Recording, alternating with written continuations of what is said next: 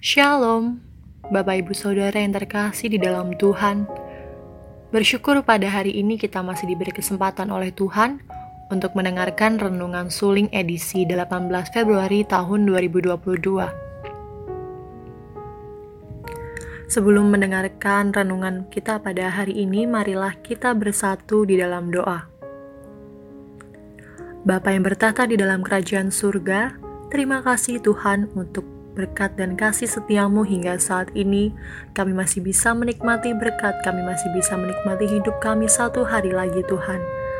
Saat ini kami akan mendengarkan firman melalui renungan suling pada hari ini. Berkatilah apa yang kami dengarkan agar menjadi berkat untuk hidup kami, menjadi rema untuk hidup kami, dan menjadi berkat dan rema untuk orang-orang di sekitar kami. Terima kasih Bapak, hanya di dalam nama Tuhan Yesus Kristus kami telah berdoa dan mengucap syukur kepadamu. Haleluya. Amin. Bapak Ibu Saudara yang terkasih di dalam Tuhan, renungan kita pada hari ini mengandung judul bersyukur kepada Tuhan. Satu Tawarik pasal 16 ayat 34 Allah berfirman, Bersyukurlah kepada Tuhan, sebab ia baik, bahwasanya untuk selama-lamanya kasih setianya. Bapak Ibu Saudara yang terkasih di dalam Tuhan, ada ungkapan yang mengatakan bahwa hidup itu seperti roda berputar, kadang posisi di bawah, kadang berada di atas. Ketika kita berada di atas, sering kali kita menganggap bahwa kitalah yang paling berhasil dan kita cenderung menjadi sombong. Namun ketika kita berada di bawah, kita merasa bahwa hidup ini menyakitkan dan menjadi putus asa.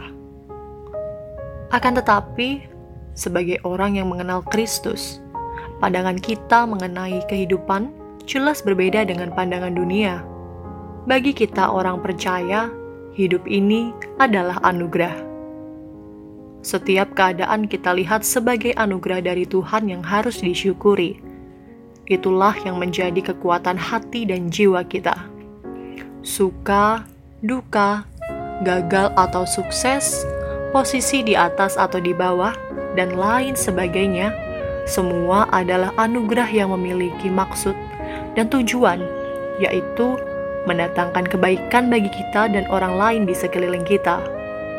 Bacaan Alkitab kita hari ini menceritakan tentang nyanyian syukur yang dipanjatkan oleh Daud, yang dipimpin oleh Asaf dan saudara-saudara sepuaknya.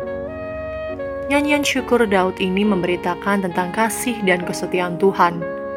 Banyak hal telah dialami oleh Daud, baik pengalaman yang mendatangkan sukacita maupun duka cita.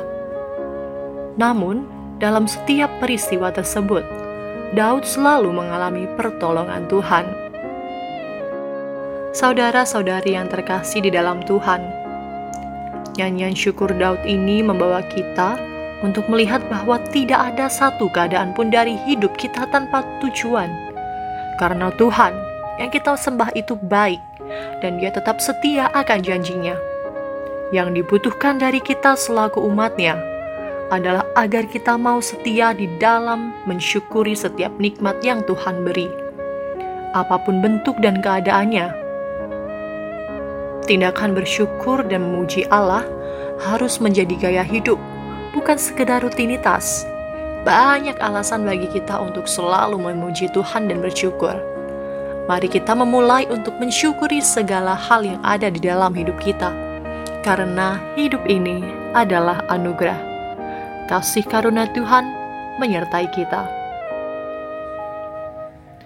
Rasa syukur membantu kita untuk selalu bersuka cita, baik dalam suka maupun duka saudara-saudari yang terkasih di dalam Tuhan, mari kita turut mendoakan rumah sakit dan klinik baptis, rumah sakit Immanuel Lampung, rumah sakit baptis Batu, rumah sakit baptis Kediri, klinik baptis Mitra Setia, dan klinik baptis Kupang.